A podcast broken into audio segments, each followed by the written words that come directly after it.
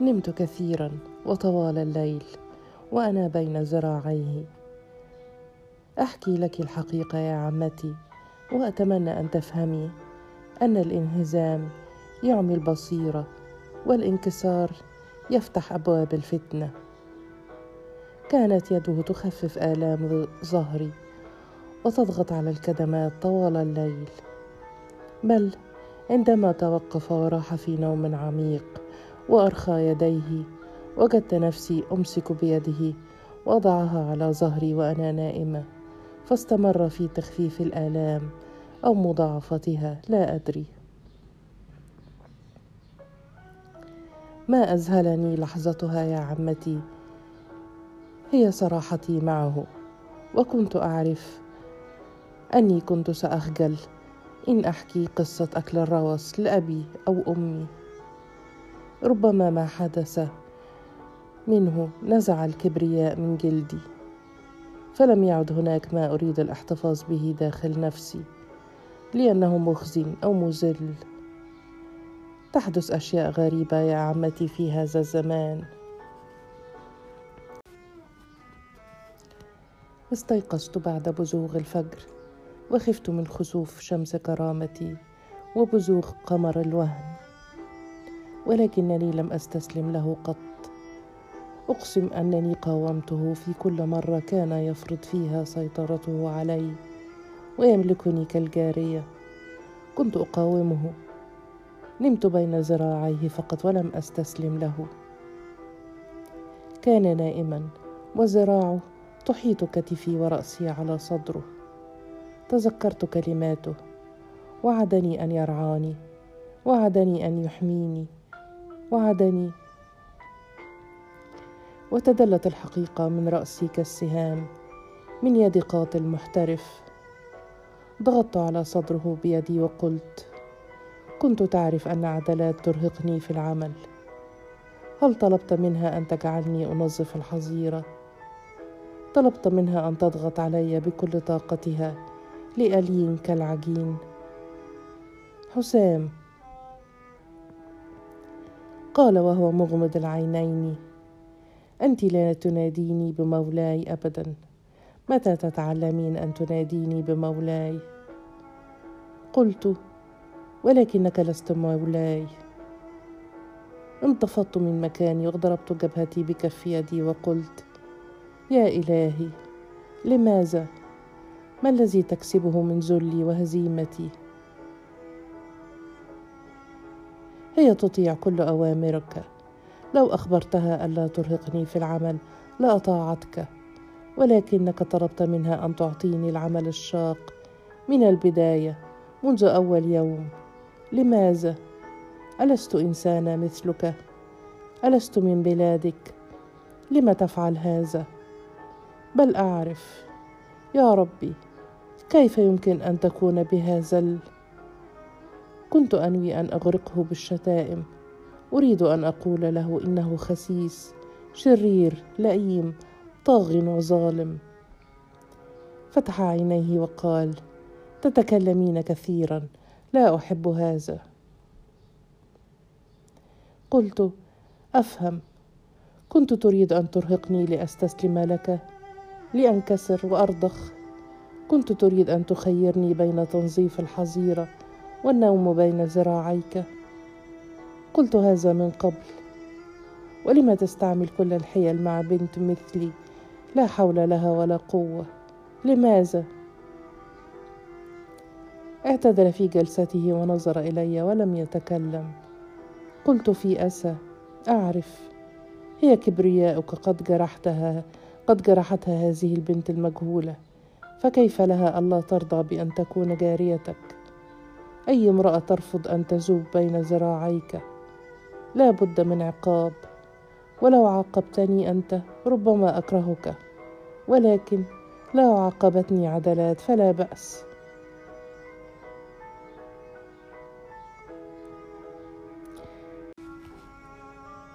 همست في صوت لا يسمعه غيري. أي شيطان؟ ثم ضربت جبهتي ورددت. وأنا ظننتك أشفقت علي. ظننتك أشفقت علي. هل تتصور؟ هممت بالقيام فشد يدي وقال في صرامة. هند أنت أذكى مما تصورت. ولكن لا تنسي من تكونين ومن أكون. قلت شيئا بصوت ضعيف فقال في صرامة ماذا قلت؟ فأجبت لا شيء. قال مرة أخرى ماذا قلت؟ أجبت كلنا عباد الله يا مولاي ولكن بعضنا أفضل من بعض عند رب العباد. أتأمرني بشيء؟ قام في ضيق وقال لا حاولي أن تتوقفي عن التفكير وعن التأمل. التأمل بالذات يضر بك. قلت في تردد وعذاب لا أعرف لماذا. لم تكن تعرف أنني سأجد هذا الرجل في الحظيرة. لم تكن تعرف أنه سيضربني هكذا. أليس كذلك؟ أم اتفقت معه؟ التقت أعيننا. وبدا الغضب في مقلتيه فقلت في خفوت أعذرني تختلط علي الأمور. كنت أعرف أنه لم يعرف وتعمدت أن أظلمه. ليذوق طعم الذل مرة ربما. انحنى وشد معصمي حتى شعرت بأنفاسه على شفتي وقال ولما يعنيك أمري؟ لم تهتمين بخيري وشري؟ ألست رجل يجبرك على معاشرته ويجبرك على البقاء هنا؟ لم كل هذا التفكير في نواياي وأهدافي؟ اشرحي لي قلت وقلبي يخفق. ولا أدري أكنت غاضبة منه فقط أم كنت أكرهه. تعديت حدودي يا مولاي سامحني. قال لن أسامحك. تعترفين بأنني مولاك. أستمتنعين علي وتقاومين أم تأتين طوعا؟ قلت في حسم لو مت اليوم ما أتيت إليك طوعا. لو ذبحتني وقطعت جسدي قطعا متساويات ما أتيت إليك طوعا. ولو أطعمتني روس البهائم كما فعل الرجل لكان هذا أفضل بالنسبة لي. التقت أعيننا وظننت أنه ينوي أن يضربني لحظتها. وربما فكر في ذلك ولكنه قال في تحدي. في تأكيدك هذا لفحات الشك وفي نفورك الكثير من الإقبال. هذا أيضا لن أسامحك عليه. ثم قام من مكانه ورحل. بقيت على السرير متعبة ربما متحيرة مما جرى. هذا جائز. حدث الكثير أمس واليوم سيحدث يا عمتي أكثر. بعد برهة دخلت علي عدلات مبتسمة. هل تصدقين يا عمتي؟ ابتسمت لي وفي يدها صينية طعام وكوب لبن وضعتهما أمامي وقالت في حماس لم أكن أعرف أنك مريضة. لا تقومي اليوم. جئت لك بالطعام وسأجهز الإفطار لشمس حبيبي. ما أجمله هذا الطفل؟ يذكرني بأولادي. فتحت فمي في ذهول فقالت وهي تقرب اللبن من فمي هيا اشربي لا وقت اليوم اشربي وارتاحي يا ابنتي سأرعاك بنفسي. أغمضت عيني ثم فتحتهما لعل الحلم ينتهي ولكنه لم يكن حلما تأكدت أنه هو من يأمرها وهو من يوجهها طوال الأيام الماضية. بقيت طوال هذا اليوم في مخدعه ونظرت إلى حيث ينام وقد اختلطت علي الأمور. ما حدث أمس وما يحدث الآن هي الحرب والحرب خديعة وخطط وعتاد. وقد حاول معي بالقسوة وحاول معي باللين. ما أقبح شر هذا الرجل؟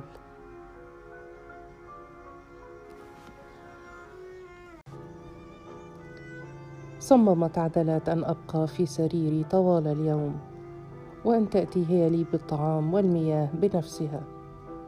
وفي المساء عاد وقال في رتابة تريدين النوم بين ذراعي قلت في صرامة لن يحدث قال في رفق وهو يشد يدي لن أرغمك على شيء. تحتاجين إلى من يضمد كل الجراح في ظهرك وبطنك ترددت قليلا ثم قلت في قوة أفضل ألا تفعل. فقال وهو يجلسني على فراشه تخافين من نفسك. وعدتك فلا خوف مني. لا بد أن تثقين بنفسك أكثر. ثم أجلسني بجانبه وقال ما رأيك أن نتكلم فقط حتى تنامي بين ذراعي؟ أعرف أنك متعبة. قلت لم قتلت ذلك الرجل؟ قال وهو يتمدد على فراشه ولما يهمك معرفة هذا؟ ألا يكفي ما فعله بك؟ فأجبت لا لا يكفي لقتل إنسان.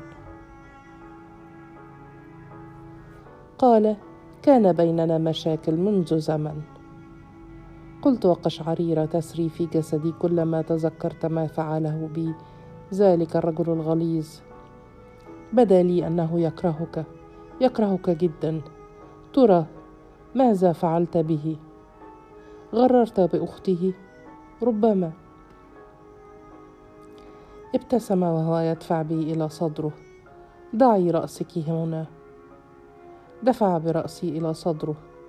وحبس ظهري بيديه. وبدأ يضغط على الكدمات. وكنت متعبه يا عمتي. والكدمات تؤلمني. فتركته يهدئ الآلام ودفنت رأسي في صدره. قال وهو يضغط على كدمات بطني وظهري تؤلمك؟ تأوهت ساعتها وقلت في خزي نعم. تمتم بالشتائم وسب الرجل الغليظ واستمر في تخفيف حدة آلامي. تكلمنا يومها يا عمتي وانتابتني راحة مختلطة بالحذر. لم يحاول أن يقبلني ولا أن يعاشرني. ولعب الشيطان بي لحظات ووسوس لي قائلا لو استسلمت له. ولو عاملني كالأميرات ربما يتزوجني بعد برهة. وربما طردت طيف الشيطان الرجيم واحتقرت نفسي. لأني تركته يدق على باب روحي. هذا الرجل الغليظ. وضربه لي غير كل شيء. كسرني على ما يبدو. أو كاد. لم أنم ليلتها ولم ينم هو. تظاهر كل منا بالنوم. وتظاهر هو بالنوم لا أعرف لماذا. وتظاهرت أنا بالنوم حتى أقي نفسي شرها. ندمت على تلبية نداءه وعلى النوم بين ذراعيه. فكيف ألقي بنفسي في صدر الغواية ثم أطلب النجاة؟ هو الحنان ما أبغي واليد الشافية ما أريد. حسام الدين يتقن الظلم والحنان وعندما يمتزج الاثنان في صدر رجل واحد وعصر واحد ودار واحدة وبلدة واحدة يصاب العقل بالجنون وتصبح المقاومة كزبد البحر واللمسات الحانية كتمائم الصحراء تسيطر على الإرادة وتسلب العقل. ولكنني كتمت فجور النفس كما يحبس الجني في مصباح قديم. وكان لابد لساعات الليل أن تنقضي وكانت بطيئة ومعذبة. بعد الفجر شعرت به يتسلل إلى الخارج. وفي الصباح حدث شيء غريب يا عمتي. استنشقت رائحة حريق بل سمعت صوت النار الرتيب الهادئ في أذني ولم أسمع أي صرخات. وعندما خرجت من حجرتي رأيت عدلات بوجه عابس وست الدار جالسة لا تتحرك. لا توبخني ولا تلومني. ولا تلقي علي السلام. قلت في فزع أين حسام الدين؟ فقالت عدلات وهي تضع الكثير من الأشياء في قفة كبيرة يحرق الغلال مع الرجال. فتحت باب البيت وأمسكت بأخي ورأيت الرجال يحملون كل الغلال إلى مخازن كبيرة ثم يشعلون بها النار. وكان حسام الدين يعمل معهم وعبد الله والكثيرون من الفلاحين. بل وبعض المماليك بزيهم الواضح يتابعون العمل من على بعد. فهمت بعد حين أن العثمانيين في طريقهم إلى القاهرة وأن حرق الغلال يجوع فرسانهم وأحصنتهم معا وأن الفلاحين يفضلون حرق محاصيلهم على تركها للغازي. بعد ساعات. دخل حسام الدين ووضع مع أخيه القفف فوق الجمال. كانت هناك قفف ممتلئة بالأطعمة والدقيق والبلح. لم أحاول المساعدة. أمسكت بأخي. ثم نظرت إلى حسام الدين فحملني ووضعني على الجمل بلا كلمة. ثم حمل أخي ووضعه أمامي. قلت أين نذهب؟ فقال إلى القاهرة. قلت لماذا؟ لم يجب.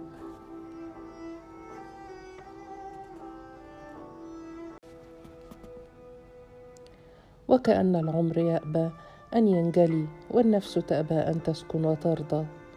ماذا أقول يا عمتي؟ ظلمني وعذبني وترعرع الكره بداخلي. وشيء آخر لا إرادي ما هو؟ كانت خطواته تجولني. وجوده حولي أو بعيدا يملأ كل فراغ النفس. خوف يملأ القلب والغضب منه يزاحم الخوف. وبعض بعض اللهفة التي أخجل من ذكرها الآن ولا أفهمها. بعد أن نمت بين ذراعيه بعد أن قبلني ربما بعد أن غاب وترك الرجل الغليظ يذلني بعد أن نما الشك في قلبي تجاهه. بعد كل هذا اختلطت مشاعري وتشابكت. وبعد الوصول إلى القاهرة دخلنا بيتا صغيرا وأشار لي بدخول الحجرة ففعلت. وأنا أفكر في طريقه للهرب إلى بيت أبي. الهرب الآن ممكن وأسهل كثيرا فلا عثمانيون حولنا. وتساءلت حينها لم جاء بي إلى هنا وهو يعرف أنني سأهرب؟ هل أرادني أن أهرب؟ دخل الحجرة بعد برهة وفي يده بعض الأوراق. ثم قال فجأة هل أنت حامل؟ فاجأني سؤاله وذكرني بانهزامي وخسارتي. قلت في شيء من الخجل لا أعتقد هذا. التقت أعيننا ثم جلس على السرير وأشار لي بالجلوس فجلست أمامه. قال وهو يعطيني الورقة ابقيها معك لا تقرأيها الآن. هي شهادة عتقك وشهادة على أن أي ولد في أحشائك هو مني. بلعت ريقي في أسى ثم قلت أعتقني. قال ليس بعد. قلت له أي أجل؟ قال أي أجل؟ إلى حين أموت أختفي أنهزم أنتصر أنسى أمرك. أي أجل؟ فقلت تنسى أمري. قال لم لا تسمعين سوى هذه الكلمات؟ أمسكت بالورقة ثم قلت شكرا لك. قال في جفاء كنت كريما معك. فقلت في تصميم لم تكن كريما معي تعرف هذا. قال أخذت ما استحقه وما كسبته هكذا يفعل الجنود. نظرت إلى عينيه وقلت بلا تفكير وهل أنت جندي؟ ابتسم لأول مرة ربما ثم قال وهل أنت جارية؟ قلت لا. قال كلنا نعيش بأسماء غير أسمائنا ونفوس غير نفوسنا. كلنا نتظاهر وندعي ونصدق ادعاءاتنا. كلنا نعيش اشخاصا لا نعرفهم. هند أريد أن أنام بعض الوقت. فلا وقت للنوم بعد اليوم. بدا متعبا. كان الطريق طويلا ولم ينام يوما أو أكثر. لم أنطق. رأيته يستلقي بجانبي ويدفن رأسه في الوسادة ويغوص في نوم عميق. بدا جميلا وهو نائم في تلك اللحظة. كنت أكرهه. تتذكرين؟ ولكنني أمعنت النظر إليه وإلى عينيه المغلقتين وأنفه وشفتيه. ووجدت يدي تتجه إلى لحيته. تمر عليها في لمسات طائرة. ثم أزحت الغطاء عن كتفه قليلا. ونظرت إليه لأول مرة ربما أو لآخر مرة لا أدري. أزحت الغطاء أكثر حتى أستقر عند بطنه. وتبدى لي كل صدره وظهره. مررت بيدي على كتفه. ولا أعرف ما أصابني يا عمتي. شيطان أصابني ربما ولكنني مررت على آثار جروح وطعنات كثيرة. بعضها طازج لم يمر عليه أشهر وبعضها قديم منذ أعوام ربما. ادعى أنه لم يمسك سيفا قط وكذب. ادعى أنه كان كريما معي وكذب. ادعى أنه حسام الدين وكذب. لم تفارقني عين الرجل الغليظ وهو يحتضر ولسانه المقوس وكأنه ينطق حرفا واحدا. لام لا أكثر ولا أقل. أمسكت بالورقة وفتحتها ولم يكذب. كانت شهادة عتقي وكانت موقعة منه. باسمه الحقيقي على ما يبدو. سيلار. لم أفكر لحظتها إلا في كذبه وخداعه وفراقه القريب. نظرت إلى رأسه التي دفنها في الوسادة وظهره الذي لم أره من قبل في غمرة مقاومتي وهزيمتي. وضعت يدي على ظهره واقتربت منه. أصدقق القول يا عمتي.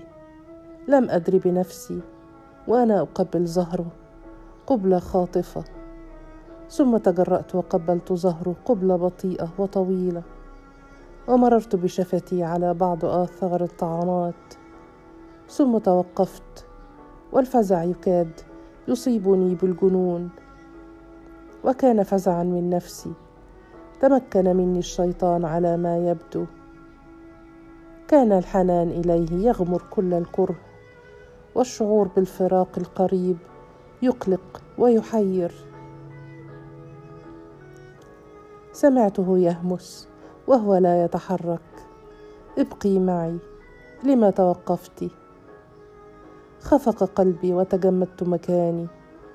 أدار وجهه إلي واعتدل في جلسته وقال وهو يمسك بيدي لم يتبقى الكثير. اليوم أو غدا سأوصلك لأبيك. هند أريدك أن تأتي إلي طوعا. تشتاقين إلي أليس كذلك؟ انتفض قلبي شوقا وياسا. في لحظات. ثم قلت في صوت واه لن آتي إليك بوصف جاريه ابدا. أمسك بيدي ووضعها على صدره. ثم قربها إلى فمه وهمس. ولا يوما واحدا.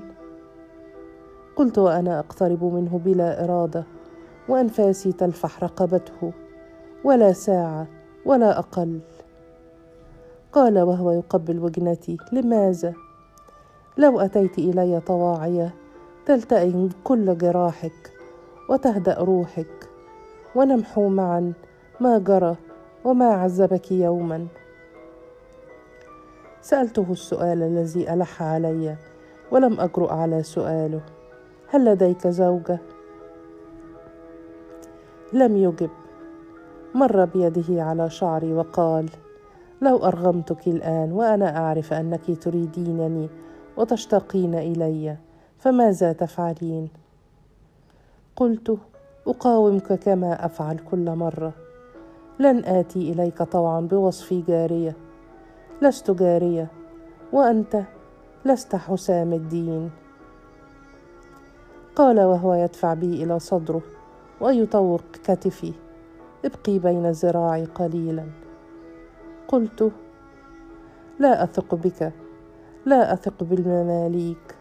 أنت أمير مملوكي أليس كذلك؟ سلار هذا هو اسمك. ضمني حتى شعرت باضلعه داخل صدري يا عمتي. امتزجت أنفاسنا. ولاكون صادقة معك. لم أشعر بهذه المشاعر من قبل. مرارة ونشوة وشوق ولهفة وما بينهما. دفع بي في بطء إلى فراشه وقبل فمي. وغمضت عيني لعل العالم يتوقف. لعله يقول كلمات أتمناها. لعل ولعل. خطورة الحنان وقت الحروب تحتاج إلى كتاب طويل يا عمتي. يمكنني أن أخطه بنفسي وأحكي عن يأس القلب لحظات وتوقه إلى لمسات بعينيها.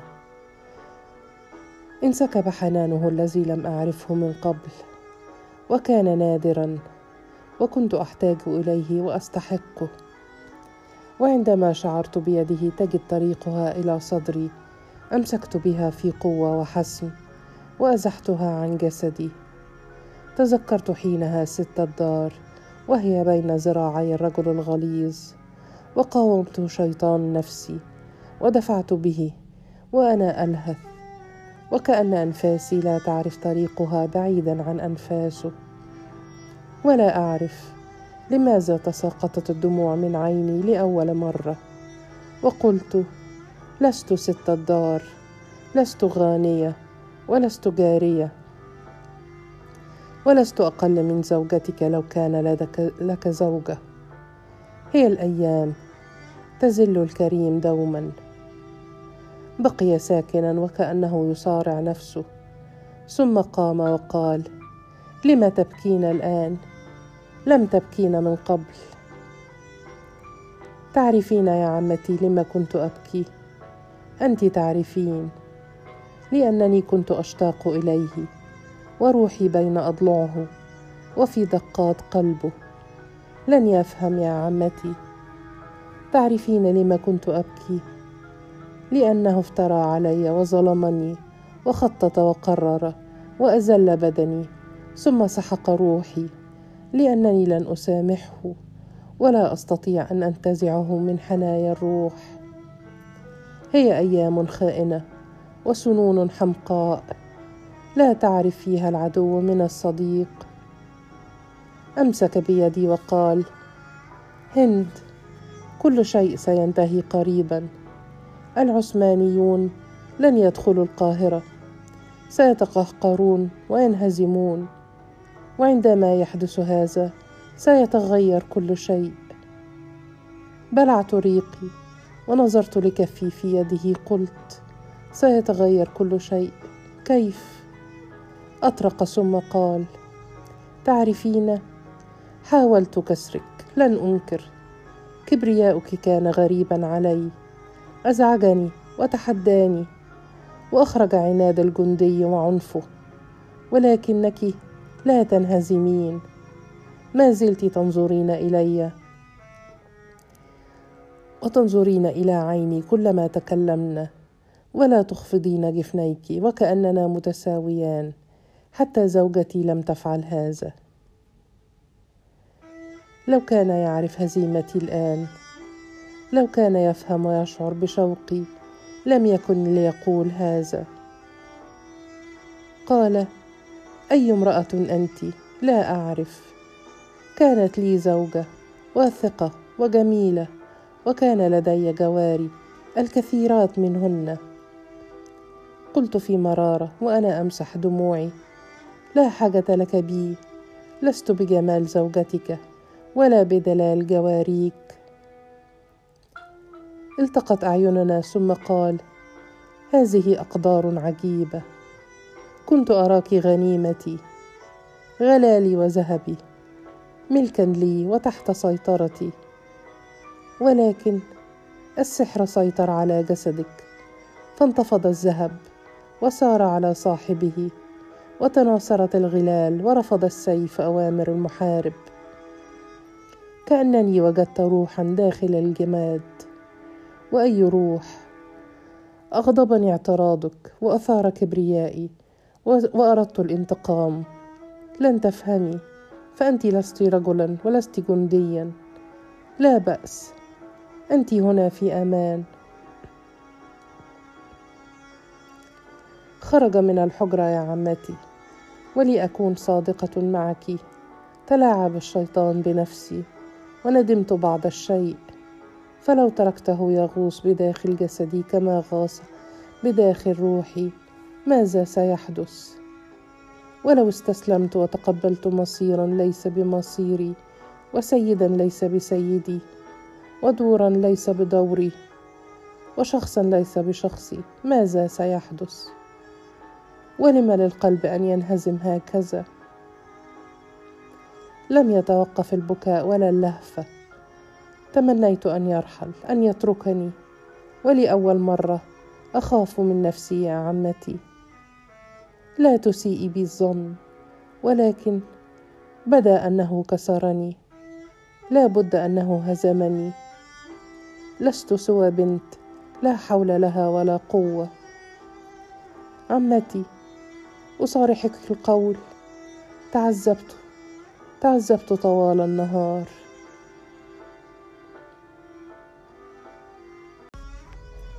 دخلت علي الست الدار. وهي تمشي على استحياء وقالت أشكرك يا هند لأنك لم تفشي سري وأعتذر إليك عما حدث. لم أجب. فقالت هل تعرفين شيئا عن الرجل الذي كان معي؟ اختفى فجأة. هل حاول تهديدك أو رؤيتك؟ ترى هل خاف من عمي؟ لم أره بعد أن جاء يزورنا. أفتقده. وأخاف أن يتخلى عني بعد أن حدث ما حدث. هل تساعدينني لأجده؟ قلت ربما خاف من عمك الذي هو ليس بعمك. فتحت فمها في فزع فقلت أعرف كل شيء. قالت ماذا تعرفين؟ قلت أعرف أنه ليس عمك وأنكم كلكم تكذبون. وكأنني أشاهد خيال الظل في بولاق. عندئذ نادت ست الدار على أمها وجلستا أمامي. قلت في قوة من تكونون؟ ومن يكون الأمير سلار فتحت عدلات فمها في ذهول ثم قالت كفي عن الكلام هذا أمر لا طاقة لنا به.